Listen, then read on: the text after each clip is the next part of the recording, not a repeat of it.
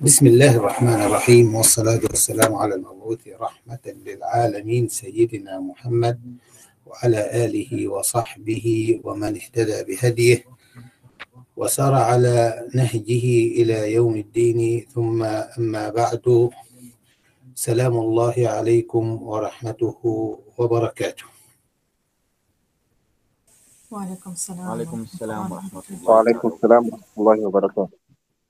كنا في اللقاء السابق تكلمنا عن علم الجرح والتعديل وقلنا أن الأصل في الجرح والتعديل المنع وذلك لأن الإسلام دين نظافة ودين نقاء. لا ينبغي إطراء أحد بمدح قد يكون مؤديا إلى الغرور. أنا هتصل بس لحضرتك تفضل. ده جدول الامتحان بتاعت حضرتك. مادتين قسموا دراساتك وفي مادتين مع الدكتور آه، شفوي؟ آه شفوي إن شاء الله.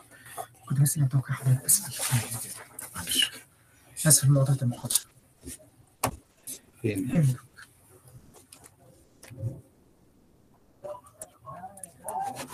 تسلم. تاني تمام كده. تسلم. أبناء نسا... أبنائي سامعيني كويس؟ الصوت مسموع؟ نعم. يا شيخ. نعم نسمعكم سيدي. يعني أنا يعني المفترض إن أنا بعتذر عشان التأخير. كان في مناقشة رسالة الدكتوراه وأنا المشرف على رسالة الدكتوراه. والله هذا هو السبب فقط. أخرنا عليكم. سامحوني يعني. حياك الله يا الله دكتور. يجزيك الخير يا رب يا دكتور عليكم نفع الله بارك الله فيكم الله يبارك فيكم. الله يبارك فيكم. فيعني تكلمنا إحنا في اللقاء السابق وقلنا يعني أن ال- الإطراء مرفوض وكذلك الذم آه، يعني مرفوض. ولكن عندما دعت الحاجة إلى الجرح وتعديل حتى نميز بين الصحيح وبين الضعيف من الأحاديث آه، استدعى هذا أن نعمل بالجرح والتعديل. وقلت لكم الأدلة من السنة النبوية ومن القرآن في اللقاء السابق وتكلمنا عن مراتب التعديل وهي ستة آه، كل مرتبة على حدة وفصلنا القول فيها. ثم بعد ذلك تكلمنا عن مراتب التجريح. بعد ذلك في الوحدة السادسة آه، منهج المحدثين في الجرح والتعديل آه، من خلال آه، مؤلفاتهم آه، أعتقد تكلمنا في هذه آه، الوحدة. تكلمنا فيها؟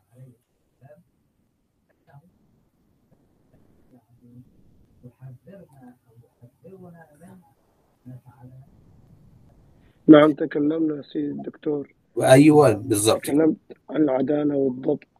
وقفنا عن أن الجرح والتعديل يعتبر من الغيبة ولا يغتب بعضكم بعضا ثم انتهت المحاضرة. سيدي. تمام. آه، آه، عندنا في آه، آه، علماء الجرح والتعديل سبحان الله آه، سنن الكون. سنن الكون أن يكون بعض الناس متشدد وبعض الناس متسامح أو متساهل وبعض الناس يتوسط الأمر. فهذه السنن الكون- الكونية موجودة عندنا أيضا في علم الجرح والتعديل. وجدنا بعض العلماء يعني يتشدد تشددا كبيرا جدا جدا في آه، تجريح الرواة وتعديلهم بحيث أنه من الممكن إذا آه، أخطأ أخطأ الراوي في حديث أو حديثين وقد روى ألف حديث يضاعفه بسبب بسبب الحديث أو الحديثين. مع أنه بشر وبعض الناس يرى أن يعني الخطأ في حديث أو حديثين آه، الواجب علينا أن ننبه عليهما ولكن لا نضاعفه لأنه روى عدد كبير جدا جدا من الأحاديث. لا يهدر هذا العدد الكبير ويظلم في العدد الكبير من أجل حديث أو حديثين أو ثلاثة أخطأ فيهم. وبناء على هذا نتج أن بعض المتشددين ضعفوا رواه قد عدلهم غيرهم وأحسن الظن بهم غيرهم. وهنا أحب أن أقول لكم نماذج فقط من المتشددين ومن هذه النماذج النماذج سيدنا أبو حاتم الرازي هو يتشدد في التجريح بحيث أنه يلمز الراوي بالخطأ أو الخطأين. وكذلك يحيى بن سعيد القطان ويحيى بن معين. وكذلك عبد الرحمن بن مهدي وإن كان أقل تشددا وبعض العلماء يتسامح بحيث هذه الغلطة والغلطتين والثلاثة والعشرة لا يبالي بها ما دام باعتبار المجموع أحسن وضبط وكان ثقة باعتبار المجموع. وعلى رأس هؤلاء الذين تسامحوا في الجرح والتعديل الإمام ابن حبان البستي والإمام العجلي والإمام أيضا الإمام القضاعي العقيلي وكذلك أيضا الإمام الحاكم الحاكم في المستدرك وغيره من الأئمة. لكن وجدنا مجموعة كبيرة من المتوسطين لا هم تشددوا ولا هم تسامحوا. وعلى رأس هؤلاء يا أبنائي الإمام البخاري هو كان يعني من المعتدلين. وكذلك الإمام ابن سعد. والإمام ابن عدي هو من المعتدلين. وجاء من خلفهم مجموعة كبيرة من المتأخرين على رأسهم الإمام الذهبي والإمام الحافظ ابن حجر العسقلاني. كان من المعتدلين.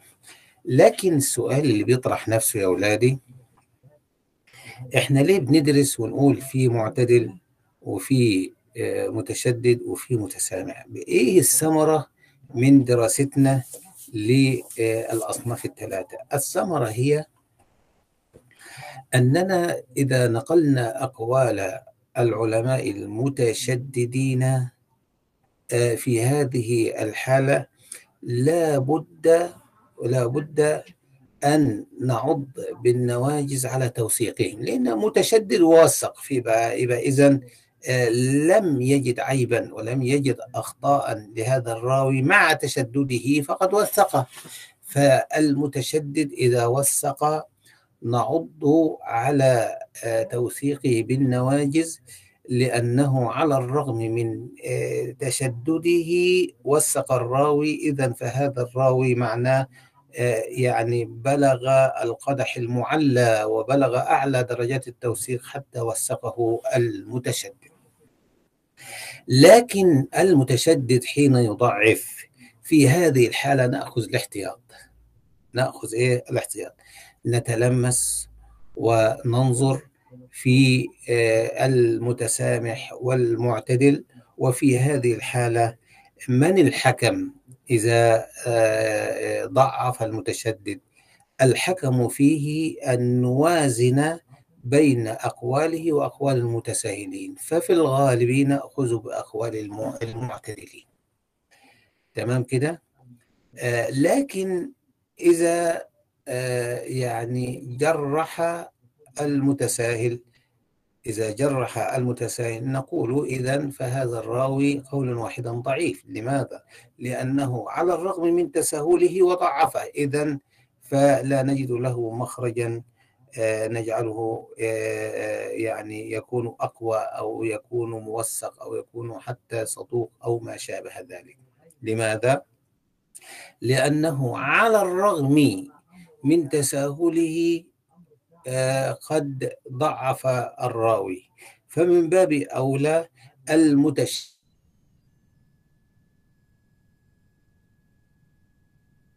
أنه سيضاعفه. إذا فتضعيف المتساهل على عيننا وعلى رأسنا لأنه على الرغم من تساهله ضعف. لكن إذا وثق الراوي المتساهل في هذه الحالة لا بد أن نرجع للمتشدد والمعتدل ونحكم على آه، الراوي من خلال المقارنة بين أقوال آه، الأصناف الثلاثة. وبعد ذلك بالتحليل والدراسة وبالمقارنة بين الأقوال آه، نصل إلى القول الفصل وإلى القول آه، الأفضل الذي يحسن السكوت عليه. إذا أبنائي وأحبابي يعني في هذه الحالة ذكرت لكم مناهج الأئمة وكيف نتعامل في التضعيف والتوثيق مع هذه المناهج. وقلنا إذا آه، في حالة قول المعتدل نأخذ به. يعني لم أجد في الراوي قولا إلا للمعتدلين يبقى إيه لا نسأل بعدهم. خلاص ده معتدل. لكن في حالة ما إذا تعددت الأقوال فقال المتشدد وقال المتسامح آه، في حالة التشدد متى نأخذ به ونعض عليه بالنواجز إذا آه، يعني آه، وثق. لأنه كونه متشدد ويوثق فنعض عليه بالنواجز ومتى آه، يعني نعود إلى غيره ونرجح بينه وبين غيره إذا ضعف لأنه قد يكون مضاعفا له لتشدده. المتساهل متى نأخذ برأيه ولا آه، يعني آه، نعدوه؟ على الرغم من تسهيله وقد ضعف في هذه الحالة نعض على قوله بالنواجز لأنه ضعف وهو متساهل. أما في حالة توثيقه فلا بد أن نرجع لغيره. ما دام في آه، الأصناف الثلاثة يا أبنائي إذا لابد في أن أن بعض الرواة بعض الرواة يختلف فيهم في الحكم. فبعضهم آه، يعني يوثق الراوي وبعضهم يجعله أدنى من التوثيق يحسن حديثه ولربما بعضهم يضاعف حديثه. في هذه الحالة حننظر نظرتين. النظرة التي ذكرتها منذ قليل المتسامح والمتساهل ووضعنا القاعدة. النظرة الثانية ننظر في آه، الجرح والتعديل الذي تعارض. بعضهم يجرح وبعضهم يعدل. ننظر في هذا المتعارض. هل مفسر أم غير مفسر؟ فإن كان الجرح مفسرا نقدم الجرح. الله إزاي؟ طب أنا عندي معدل وموثق. تمام؟ ليه أنا أقدم الجرح المفسر على التعديل. لماذا لم أقدم التعديل على التجريح؟ قالوا العلماء آه، عندنا قاعدة في الإسلام اسمها يعني التخلية مقدمة على التحلية. التخلية مقدمة على التحلية. فالتخلية أن يخلو من العيب لكن هنا العيب وجد. وكمان مفسر يبقى أيهما أقدمه أقدم العيب اللي هو الجرح لأنه مفسر. طيب. آه ليه ما قدمتش التعديل؟ قال لك حتى أكون في غاية الاحتياط والدقة والصيانة لحديث رسول الله بتوخي التوثيق الصافي الذي لا إشكال فيه حتى نأمن ما يرويه أنه صحت نسبته إلى رسول الله صلى الله عليه وسلم. فيبقى أنا لما أقدم التجريح المفسر على التعديل يبقى أنا هنا بحتاط وفي نفس الوقت كمان بعمل التخلية قبل التحليل. طيب ليه أنا قدمت التجريح المفسر مش التجريح المجمل الغير مفسر؟ قال لك لأن التجريح المفسر مبين السبب وهنا العالم أو طالب العلم يستطيع من خلال هذا التفسير أن يحدد هل هذه العيوب أو هذا الجرح يؤثر ويقدح ويخل بصحة الحديث أم لا؟ فبناء على هذا لما فسر بان لنا وظهر لنا هل يخل أم لا يخل.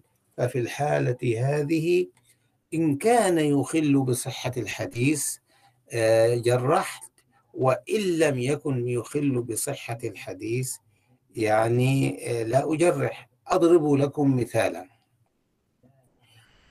قيل لأحد الناس لما ضعفت فلان؟ قال رأيته يركض على برزون له. يعني يعني دابة ما أشبه بالحصان مثلا.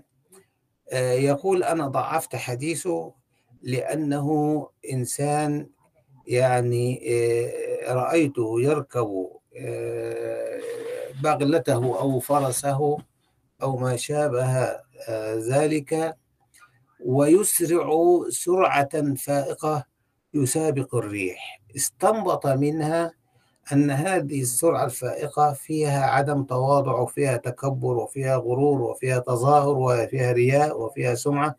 لكن في الحقيقة هذا الجرح ليس بقادح في الحديث. لماذا؟ ما المانع أن يكون هذا من التسرع؟ والتسرع لا يؤثر في في مثلا الكذب والصدق. ما المانع أن يكون يركض لميعاد يريد أن يصل قبله؟ ما المانع أن يكون أنه يسرع من أجل إنقاذ مكروب أو إطفاء حريق أو ما شابه ذلك؟ فالأسباب متعددة وهذا التفسير جعلنا نقول إن هذا الجرح الذي فسر ليس جرحا قادحا ولا مؤثرا ولا يجعلنا نضعف حديث الراوي. تمام؟ طيب اشترطوا في الجرح التفسير. لماذا لم يشترطوا في التعديل أن يكون التعديل مفسرا؟ ليه اشترطوا في الجرح التفسير وما اشترطوش في التعديل أن يكون مفسرا؟ أقول التعديل أسبابه كثيرة غير منحصرة. فلو قلنا محمد ده معدل وحنذكر السبب قد نكتب مجلدا كاملا في أوصافه. الأمانة والصدق والورع والخلق والدين والمعاملة ممكن نكتب مجلد في تفسير العدالة. هذه واحدة. أما بالنسبة للجرح فلا نكتب مجلدا مش فيش واحد كله عيوب. وإلا ما كان يصلح أن يكون من رواة حديث رسول الله لو كان كله عيوب. اذا فعيوبه معدودة. وما دام معدودة يمكن أن نحصرها بخلاف المميزات. لا نستطيع أن نحصرها. الحاجة الثانية يا أبنائي إحنا درسنا في المحاضرة الماضية أن آه الجرح نكتفي منه بما يؤثر على الرواية فقط. يعني مثلا لو هو مجروح آه، بخمس أسباب اثنين منهم يضاعفوا روايته يبقى الثلاثة هسترهم وخلاص. أنا هذكر الاثنين والثلاثة هذكرهم ليه؟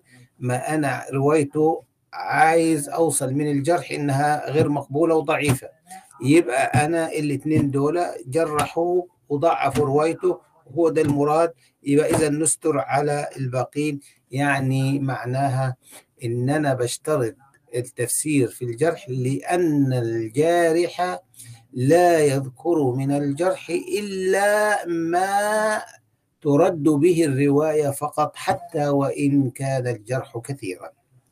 واضح كده يا ولادي؟ يا بناتي؟ تمام. يبقى الآن الآن آه يعني آه هنسأل سؤال وهو مهم جدا. وهذا السؤال وهو الكتب المطولة زي ضعفاء العقيلي زي طبقات لابن سعد زي ابن حبان في الثقات والمجروحين زي الكامل لابن عدي. دي كتب مطولة يفسر فيها ويذكر فيها أسباب الجرح وأحيانا أسباب التعديل. لكن إحنا الكتب المختصرة لا يفسر فيها الجرح والتعديل. يعني لو رجعنا لتهذيب التهذيب ما فيش تفسير يقول لك ضعيف وخلاص ويسيبك. يقول لك صدوق ويسيبك. يقول لك ضعيف جدا. يقول لك لين الحديث. يقول لك ضعف. يقول لك متروك الحديث. لكن ما يذكرش التفسير. الله. طيب أنا أعمل إيه دلوقتي؟ أختار الجرح ولا التعديل؟ آه يبقى أنا عندي قاعدتين. عندي قاعدتين. حاجة من اثنين. يا إما أبني على ثقتي بالعلماء اللي اختصروا وأختار المعتدل منهم وأمشي وراه باعتباره هو المعتدل يا إما آخذ من هذه الكتب المختصرة اللي ما فيهاش أسباب جرح ولا أسباب تعديل آخذ منها وأذهب إلى الكتب المطولة وأبحث في أسباب الجرح وأسباب التعديل حتى أستطيع أحكم. كثير من الباحثين الشباب بيقول لك يعني نختصر الطريق. ما أنا الحافظ ابن حجر بذل جهد كبير وأنا أضيع جهده ليه؟ ما أنا آخذ وأبني على جهد الحافظ ابن حجر، واحد تاني يقول لك وأنا آخذ وأبني على جهد الإمام ابن الذهبي، واحد تاني يقول لك لا ما البوصيري حكم أنا أسيب البوصيري ليه؟ ما آخذ جهد الإمام البوصيري، واحد تاني يقول لك ما العراقي حكم وأنا أسيب العراقي ليه؟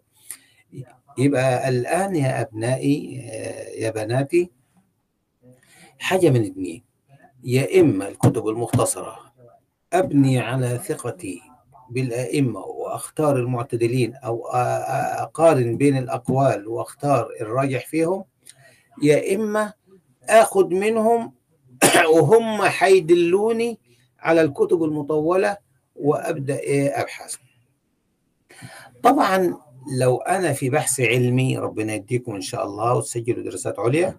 لو أنا في بحث علمي لا أنا هاخد من الكتب دي وأنتقل للكتب المطولة. طب لو أنا مش في بحث علمي وفي إجازة عالية أنا كفاياني بس آه يعني آه أحلل وأقارن وأوازن بين الأقوال وأخ وأخرج منها بالرأي المتوسط المعتدل الذي لا تساهل فيه ولا غلو ولا تشدد.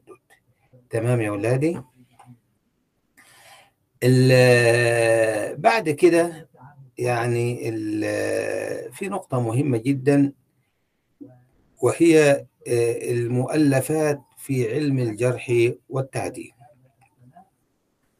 أنا عندي المؤلفات في علم الجرح والتعديل ألفت مؤلفات في الثقات فقط. وألفت مؤلفات في المجروحين فقط.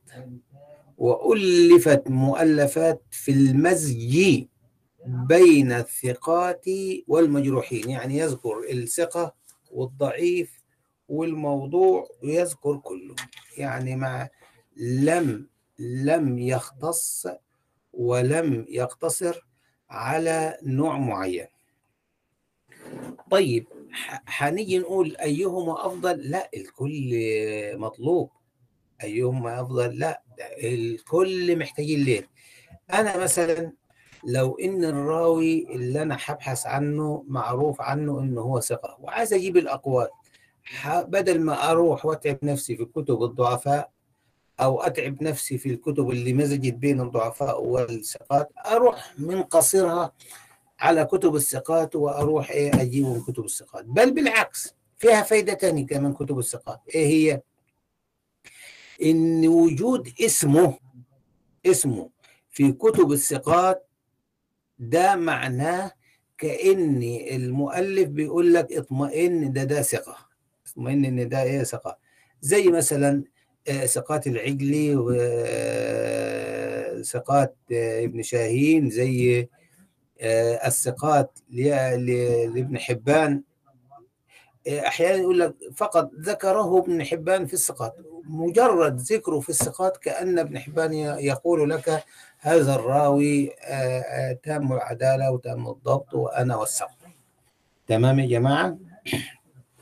فيبقى من فوائد برضو إفراد كتب الثقات بالتأليف أن مجرد ذكر اسم الراوي فيها ينبئ عن توثيقه فإن كان معتدلا خلاص إن كان غير معتدل يبقى في الحالة دي إيه؟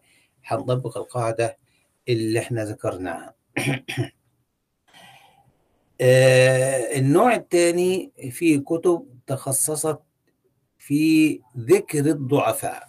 ذكر الضعفاء يعني هذه الكتب آه قال المؤلف لن أذكر فيه الصدوق لن أذكر فيه الثقة لن أذكر فيه ما عدله العلماء وإنما لا أذكر فيه إلا إما ضعيف بسبب الضبط أو ضعيف بسبب العدالة. ولذلك معظمهم يسموا كتبهم الضعفاء والمتروكين. الضعفاء يريد أن يرمز لنا ويشير لنا أي الضعف بسبب الضبط. والمتروكين يعني يشير لنا أن الضعف هنا بسبب العدالة. قدح فين؟ العدالة الصدق والأمانة يعني. تمام يا أولادي ويبقى من فوائد هذه الكتب المتخصصة في الضعفاء والمتروكين أن وجود الراوي في هذه الكتب كأنه يقول لك احذر منه وهذا ضعيف وصحيحه حديثه الذي يرويه ضعيف. تمام؟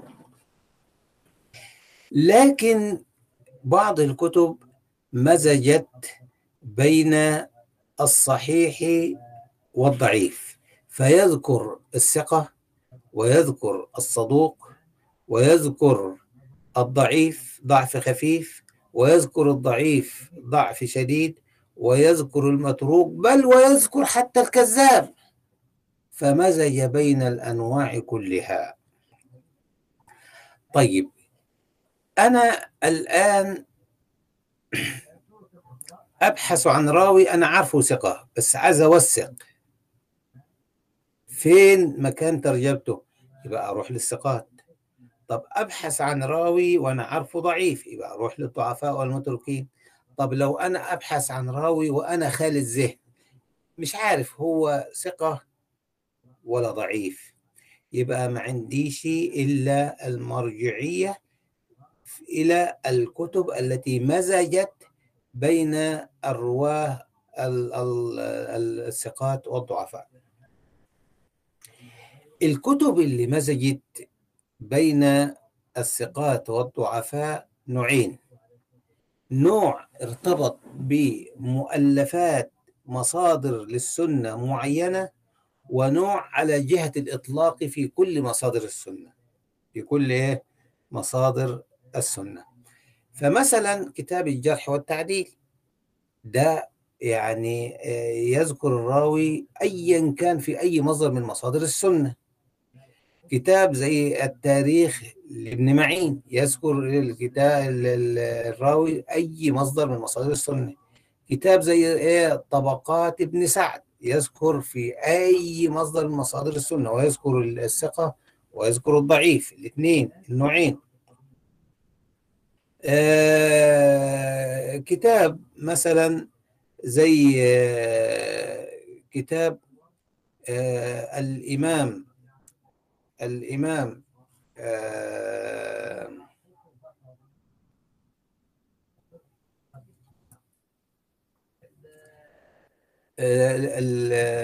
يعني سأذكر الآن آه، ذهب من ذهني الآن. آه، نرجع تاني للكتب اللي استقلت وتخصصت في مصادر معينة. فمثلا كتاب تهذيب الكمال ويعني تهذيبه اللي هو تهذيب التهذيب تهذيب الكمال للإمام جمال الدين المزي وتهذيب التهذيب للحافظ ابن حجر العسقلاني. هذا الكتاب نعم يذكر فيه الثقة والضعيف التجريح والتعديل لكن تخصص فقط في الكتب الستة. الكتب إيه؟ الستة.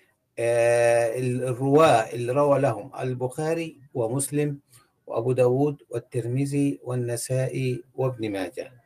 واللواحق إيه اللواحق؟ يعني مثلا آه اللي روى لهم الإمام أبو داود في المراسيل النسائي في عمل اليوم والليلة تمام؟ وغير ذلك. يبقى أنا الحديث ال- لو عندي أنا مش عارف الراوي آه، ثقة ولا ضعيف.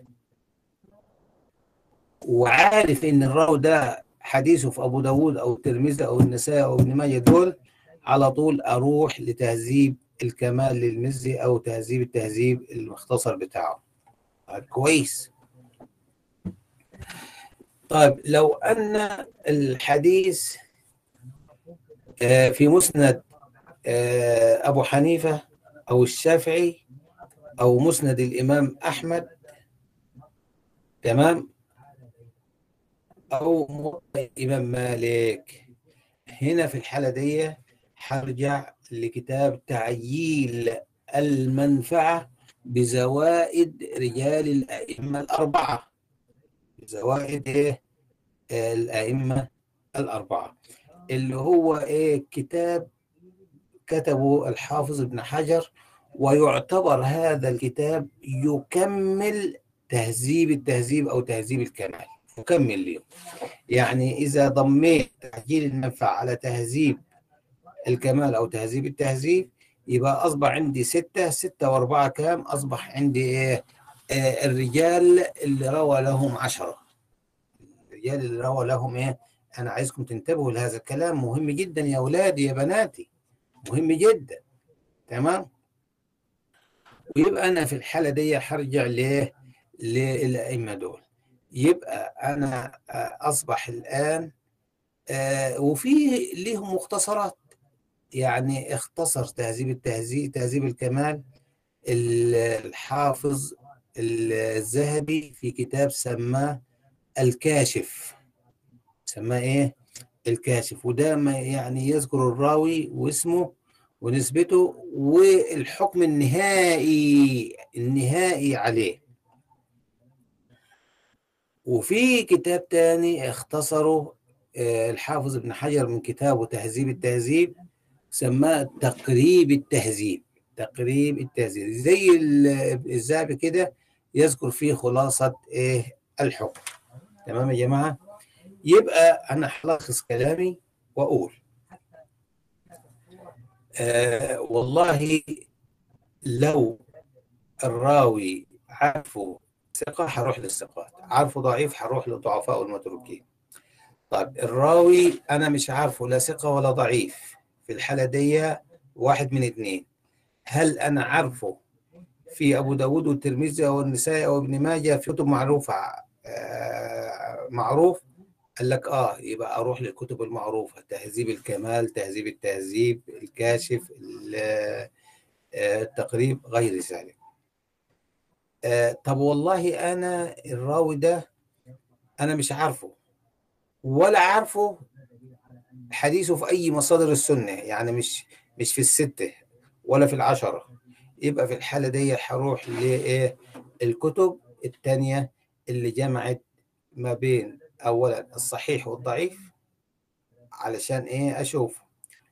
آه زي مثلا الكتب اللي أنا إيه ذكرتها لحضراتكم آه منذ قليل. تمام؟ آه يعني مثلا منها على رأسها طبقات ابن سعد. كتاب طبقات ابن سعد ده مش مرتبط ببعض الكتب المعينة لا ده بي- ويذكر الجرح والتعديل للراوي في كل مصادر السنة دون أن يستثني منها أحد. تمام؟ بعد ذلك آه، ذكرت لكم في الكتاب آه، معلومات طيبة عن كتب الثقات وذكرت لكم آه، على سبيل المثال آه، الثقات للإمام ابن حبان ومنهج الإمام ابن حبان في كتابه الثقات وبينت لكم أنه هو آه، متساهل. أيضا آه، كتاب تاريخ الثقات للإمام العجلي وبينت لكم أنه هو متساهل ومنهجه إيه وعدد تراجمه إيه كل ده ذكرته لكم موضح في الكتاب. ثم ذكرت لكم في هذا الدرس أيضا كتاب تذكرة الحفاظ آه، ده للإمام آه، الإمام الذهبي. وهو يعني آه، برضو أصلا يعني خاص يعني بثقات الثقات لأن لما يكون حافظ ده حاجة أعلى من الثقة كمان. تمام؟ بعد كده يا أبنائي في الدرس الثالث أنا تناولت الكلام عن كتب الضعفاء. وذكرت لكم آه، من كتب الضعفاء أربع كتب. أربع كتب. وأول كتاب ذكرت لكم آه، كتاب الضعفاء الصغير للإمام البخاري وده معتدل.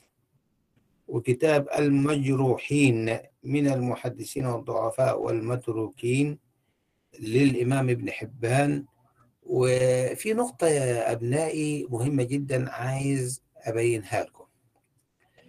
الإمام ابن حب حبان مشهور عنه أنه متساهل بس متساهل في إيه؟ متساهل في التوثيق. متساهل في التوثيق. لكن عجبا ومن أغرب الغرابة عند التجريح لم نجده متساهلا إنما متشدد. ولسانه شديد جدا في التجريح. ويعني آه، صعب العبارة في التجريح. فمع تساهله في التوثيق هو في غاية التشدد في آه، التجريح.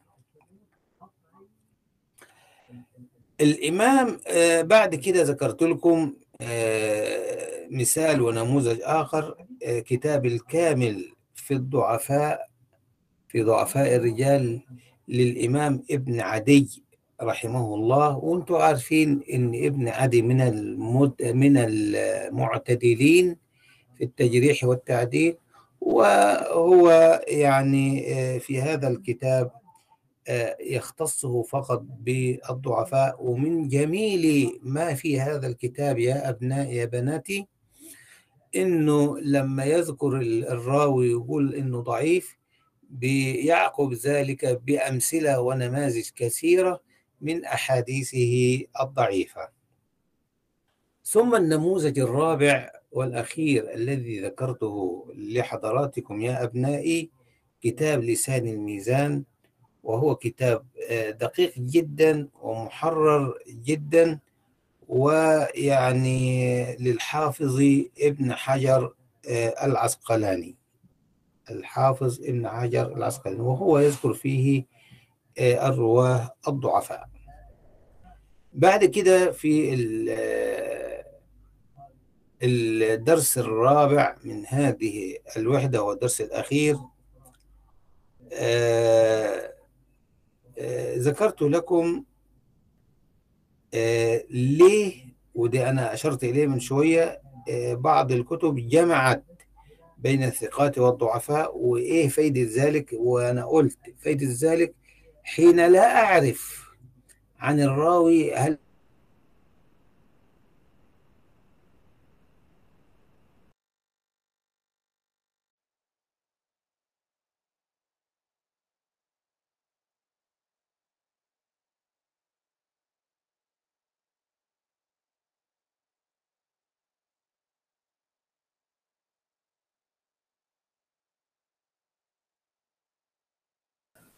قطع الصوت دكتور.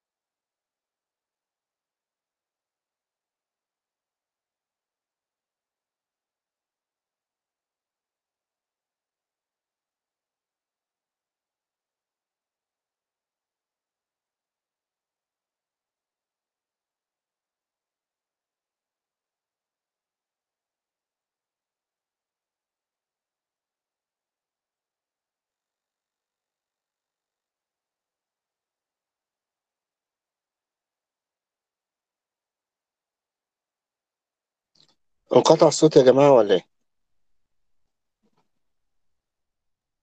أيوة قطع الصوت ثانية واحدة حضراتكم سوف يتم رجوع الصوت مرة أخرى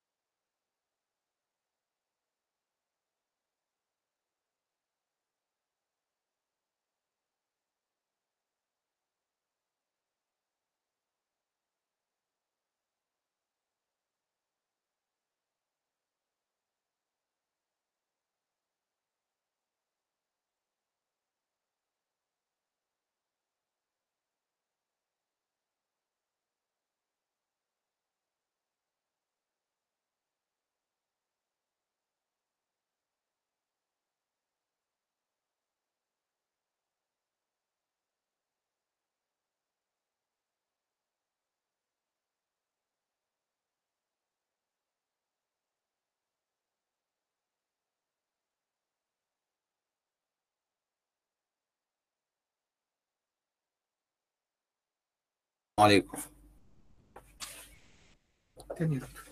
السلام عليكم.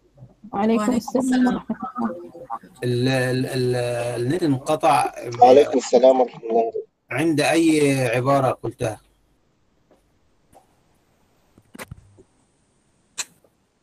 تعريف الكتب آخر آخر جزئية من الفصل الرابع من الدرس الرابع. تعريف الكتب التي جمعت بين الثقات والضعفاء أيوة.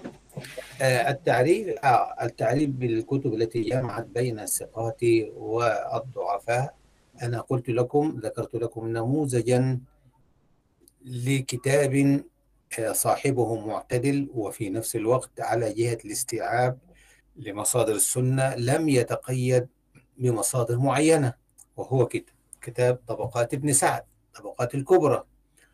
وقلت لكم آه، يعني إن كنت لا أعرف هذا الراوي حديثه في أي مصادر السنة وأريد أن أبحث عن الرواة الذين رووا هذا الحديث فلا أرجع إلى كتاب متخصص في الستة أو في العشرة وإنما أرجع لهذا الكتاب لأنه يذكر الرواة على جهة الاستيعاب فأرجع مثلا لطبقات ابن سعد.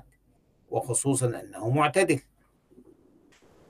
ثم ذكرت لكم بعد ذلك آه، مثالا أو ذكرت آه، مثالين لكتابين آه، متخصصين في مصادر معينة. الكتاب الأول تهذيب الكمال ومختصري تهذيب التهذيب. هذا الكتاب يجمع نعم بين الثقات والضعفاء لكنه لا يورد إلا الرواة الموجودين في الكتب الستة بخاري مسلم أبو داود ترمذي نسائي ابن ماجه واللواحق اللي هو إيه زي عمل اليوم والليلة للإمام النسائي وزي كتاب المراسيل لأبي داود. أيضا كتاب تعجيل المنفعة بزوائد الأئمة الأربعة ده يعني أورد زوائد رجال آه، مسند الإمام أبو حنيفة والإمام مالك والإمام الشافعي والإمام أحمد بن حنبل آه، وهو طبعا معروف الحافظ ابن حجر بالاعتدال. لكن أنا عايز أنبهكم لملحوظة يا أبنائي يا بناتي آه، إن تعجيل المنفعة من الكتب المختصرات. الكتب المختصرات. تمام؟ طيب. لكن إذا كنت مثلا أنا عايز أرجع لكتاب من المطولات ويجمع بين الثقات والضعفاء هروح للجرح والتعديل للح... ل... لأبي... لابن أبي حاتم وهروح آه، لكتاب مثلا آه، آه، التاريخ كتاب التاريخ ليحيى بن معين. فيه آه، ثقات وفيه آه، رواة غير ثقات يجمع بين الثقات والضعفاء وفي نفس الوقت لا يقيد بكتاب معين أو بمصادر معينة. بعد كده الوحدة السابعة آه، قلت لكم هي وكان النت مقطوع. الوحدة السابعة عبارة عن المتابعات والشواهد. منذ قليل قلت لكم يا أبنائي يا بناتي إني لما ندرس إسناد بنترجم للرواة ولما نترجم للرواة نجد الإسناد مثلا فيه راو ضعيف. فيه راو إيه؟ ضعيف. هذا الراوي الضعيف يجعلني أنا أحكم على هذا السند آه بالضعف. هذا السند إيه؟ بالضعف. تمام؟ هنا لما أحكم على هذا السند بالضعف ما أكتفيش بكده. لكن أنظر هل هذا الحديث روي بأسانيد أخرى يعني ليه إسناد تاني ليه طريق تاني من آه الروايات بتاعته؟ آه والله أنا فوجئت ووجدت إن في راوي آخر بسند آخر لكن اشتركوا هما الاثنين في الصحابي في نفس الصحابي يعني كأن مثلا الحديث ده عن أبي هريرة. رواه فلان وفلان وفلان وشاركهم كمان فلان وفلان وفلان برضو عن أبي هريرة. في هذه الحالة أنا الحديث اللي ضعفته ده السند اللي ضعفته ده وجدت لي أسانيد أخرى. أشوف الأسانيد الأخرى. هل الإسناد الآخر النقطة نقطة الضعف ونقطة التجريح الموجودة في راوي. هل وافقه راوي آخر؟ وهل الراوي الآخر أقوى منه ولا لا؟ والله أنا وجدت آه بعد البحث إن الحديث ده ليه سند آخر وعن نفس الصحابي وجدت له راوي يتابع يتابع آه الراوي الضعيف. يعني يعني مؤيد للراوي الضعيف. شارك الراوي الضعيف. هل هذه المشاركة من الضعيف؟ المشاركة للضعيف من راوي أقوى منه. هل تخدمه؟ تنفعه؟ ترفع قدره ترفع مكانته؟ تجعله يرتقي من درجة إلى درجة. الجواب نعم. الجواب إيه؟ نعم. يعني إيه نعم؟ يعني مثلا الحديث ده عن أبي هريرة. تمام؟ رواه سين عن أبي هريرة وسين ده فيه ضعف. فلما بحثت وجدت صاد رواه برضو عن أبي هريرة. فإيه رأيكم؟ صاد قوى سين وعضد سين ولا لا؟ والله أنا لو كان الحديث عن سين فقط دون غيره ما فيش إسناد تاني تفرد به سين. حقول ده الحديث ده ضعيف عشان خاطر تفرد به سين وهذا ضعيف.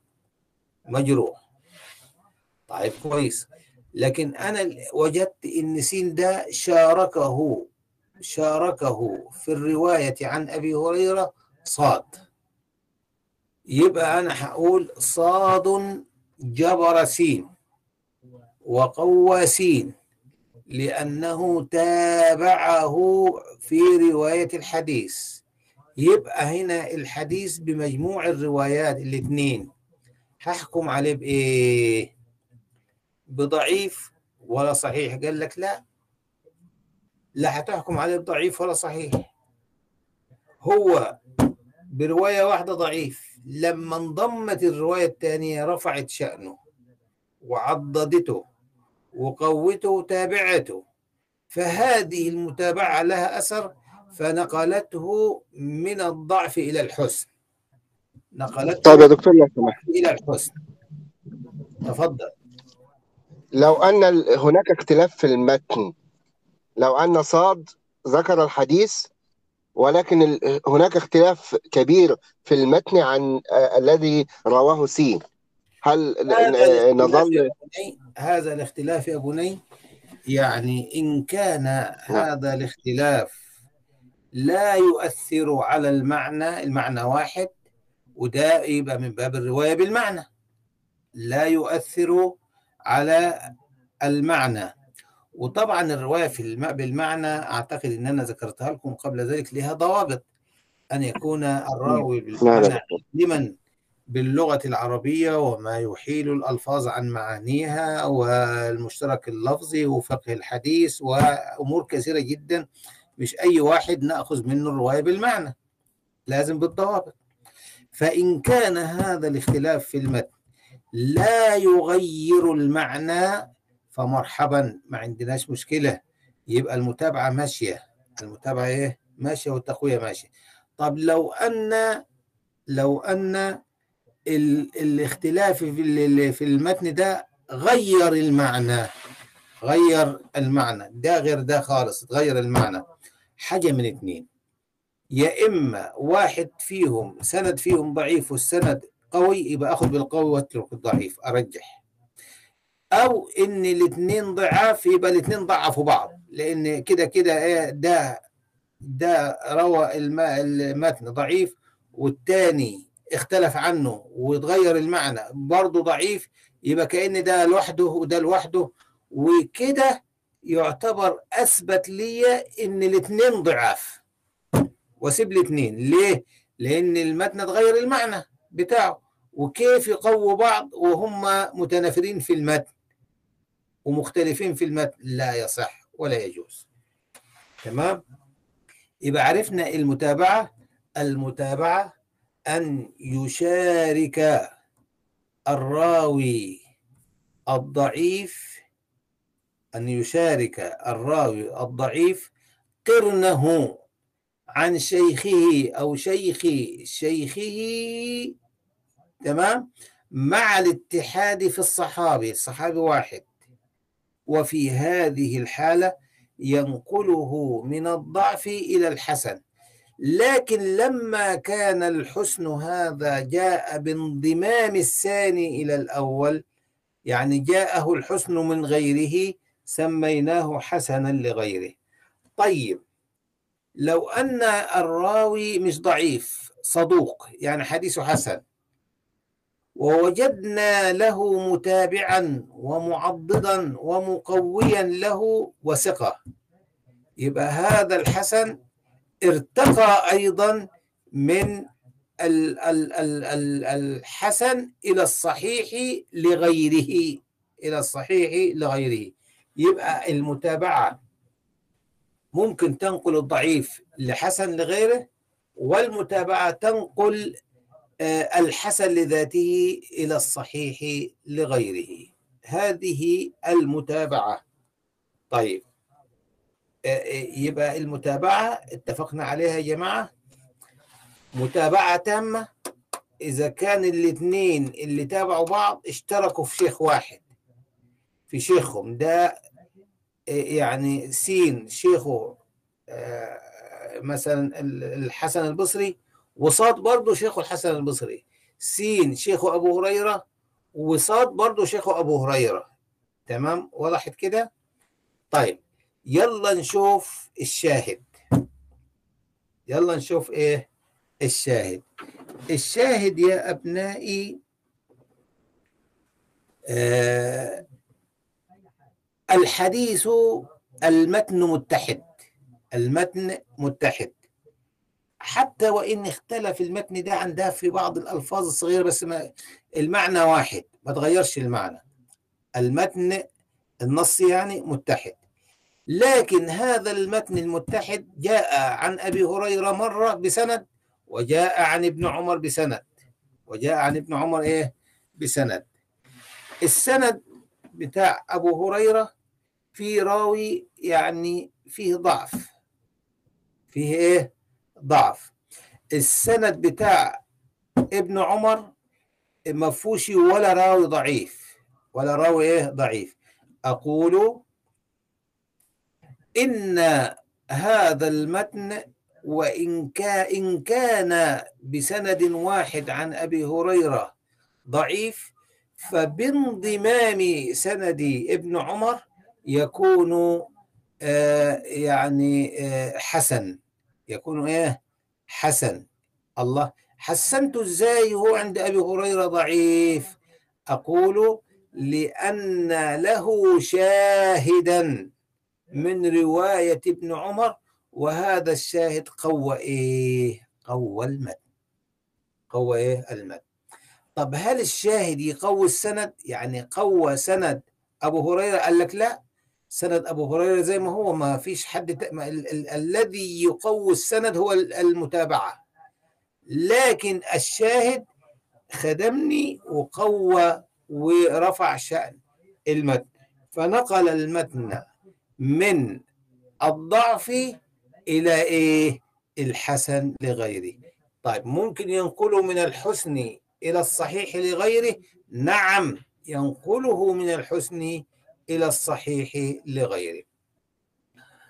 ويبقى لو سألت سؤال إيه الفرق طيب يا أولادي بين المتابعة والشاهد؟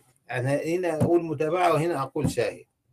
وإيه اللي يترتب على المتابعة وإيه اللي يترتب على الشاهد؟ أقول لك أنا.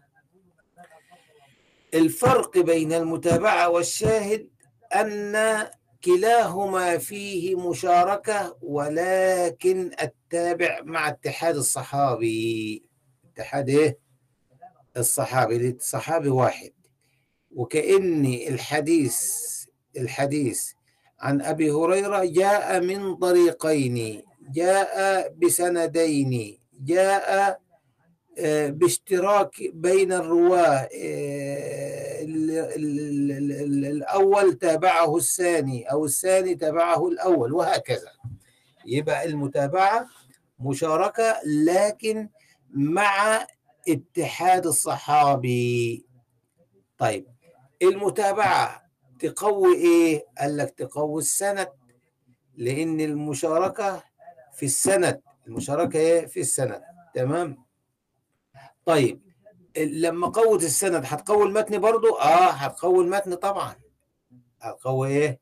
المتن. بس يظل المتن تفرد به أبو هريرة لأن ملهوش شاهد. ما فيش راوي تاني ما فيش صحابي تاني رواه. تمام؟ طب أمال الشاهد؟ قال لك الشاهد هنا التقوية موجهة للمتن. ليه؟ لأن الاشتراك أصلا الاشتراك أصلا مش في السند. لأن ده عن أبي هريرة. والتاني عن ابن عمر. يبقى الاشتراك مش موجود في السند. إنما الاشتراك فقط فين؟ في المتن. النص ده هو هو النص ده. كأن أبا هريرة رواه عن رسول الله وكان قاعد جنبه آه، آه، ابن عمر. رواه عن رسول الله. أبو هريرة له سلسلة وسند خاص به وتلاميذ ابن عمر لهم سند وسلسلة خاصة بهم. لكن لما أضم السلسلة هذه على السلسلة الثانية إيه اللي يحصل يا أولادي؟ اللي بيحصل إن المتن تقوى. المتن؟ تقوى.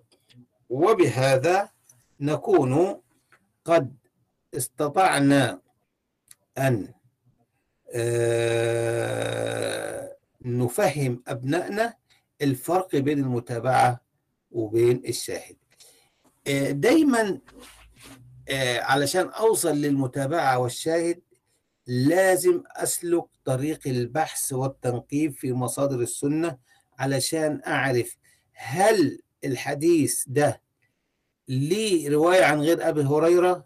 آه ليه. يبقى ليه شواهد. طب ليس له رواية إلا عن أبي هريرة فقط وما فيش حد تاني من الصحابة رواه. هبحث تاني.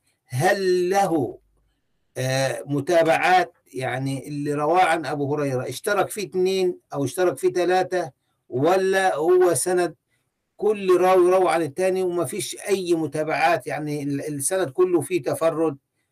والله لو كان في تفرد يبقى ما فيش متابعة طب ما فيش تفرد وجدنا فيه مشاركة يبقى فيه متابعة. هذه الهيئة والبحث والتنقيب في مصادر السنة علشان أصل في متابعة ولا ما فيش في شاهد ولا ما فيش المتابعة تامة ولا قاصرة ولا إيه؟ هذه هذا البحث بنسموه إيه؟ علماء الحديث سموه الاعتبار. اسمه إيه؟ الاعتبار. يبقى لما تيجي في كتب مصطلح الحديث تقرأ كلمة الاعتبار والمتابعة والشاهد يعني الاعتبار أي البحث للوصول إلى المتابعة أو الوصول إلى الشاهد. هذا البحث اسمه الاعتبار. ها واضحة؟ واضحة الاعتبار؟ واضح يا دكتور. تمام. يبقى لما يقول لك آه، اعتبر فوجد أن للحديث متابعة يعني بحث ونقب في مصادر السنة وخرج الأحاديث من مصادر السنة حتى وصل إلى أن الحديث عن صحابي معين اشترك رواة السند فيه فكانت فيه متابعة. تمام؟ حين يقول اعتبر فوجد أن الحديث ما تفرد به أبو هريرة وإنما شاركه من الصحابة فلان وهذا بسند والآخر بسند آخر غيره. أقول في هذه الحالة السند الثاني شاهد للسند الأول. طيب المتابعة تقوي إيه؟ تقوي السند وبالتالي هتقوي المتن. طب الشاهد يقوي إيه؟ يقوي المتن. ليه؟ لأن السند مختلف. ما فيش اشتراك في السند. كل ما فيها إن كأن كأن السند من الراوي الثاني يشهد للأول بالتوثيق وبالضبط وباليقظة وبالصحة. طيب اللي بينقل اللي بينقل المتابع ينقله إما من الضعف إلى الحسن وإما من الحسن إلى الصحة. طب الحسن يكون إيه؟ صحيح حسن لغيره. عشان إيه؟ علشان هذه الترقية وهذا العلو جاء بانضمام غيره إليه لا من ذاته. وهذه الصحة أيضا صحيح لغيره أي لأنها بسبب انضمام غيره إليه. وكذا يقال في الشاهد. بهذا أبنائي أكون قد أنهيت الوحدة السابعة وبانتهاء الوحدة السابعة يكون انتهى المقرر كله بفضل الله وحمده ونعمائه وإن شاء الله بإذن الله لقاؤنا القادم بكل توفيق وسداد ونجاح في الامتحان الشفوي إن شاء الله. فعليكم أن تذاكروا وأن تراجعوا ما ذكرناه شفويا كان أو تحريريا في الكتاب.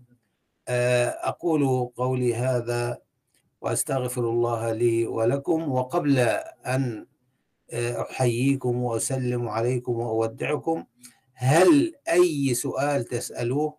هل من سؤال في حاجة مش مفهومة في المحاضرة؟ أنا تحت أمركم.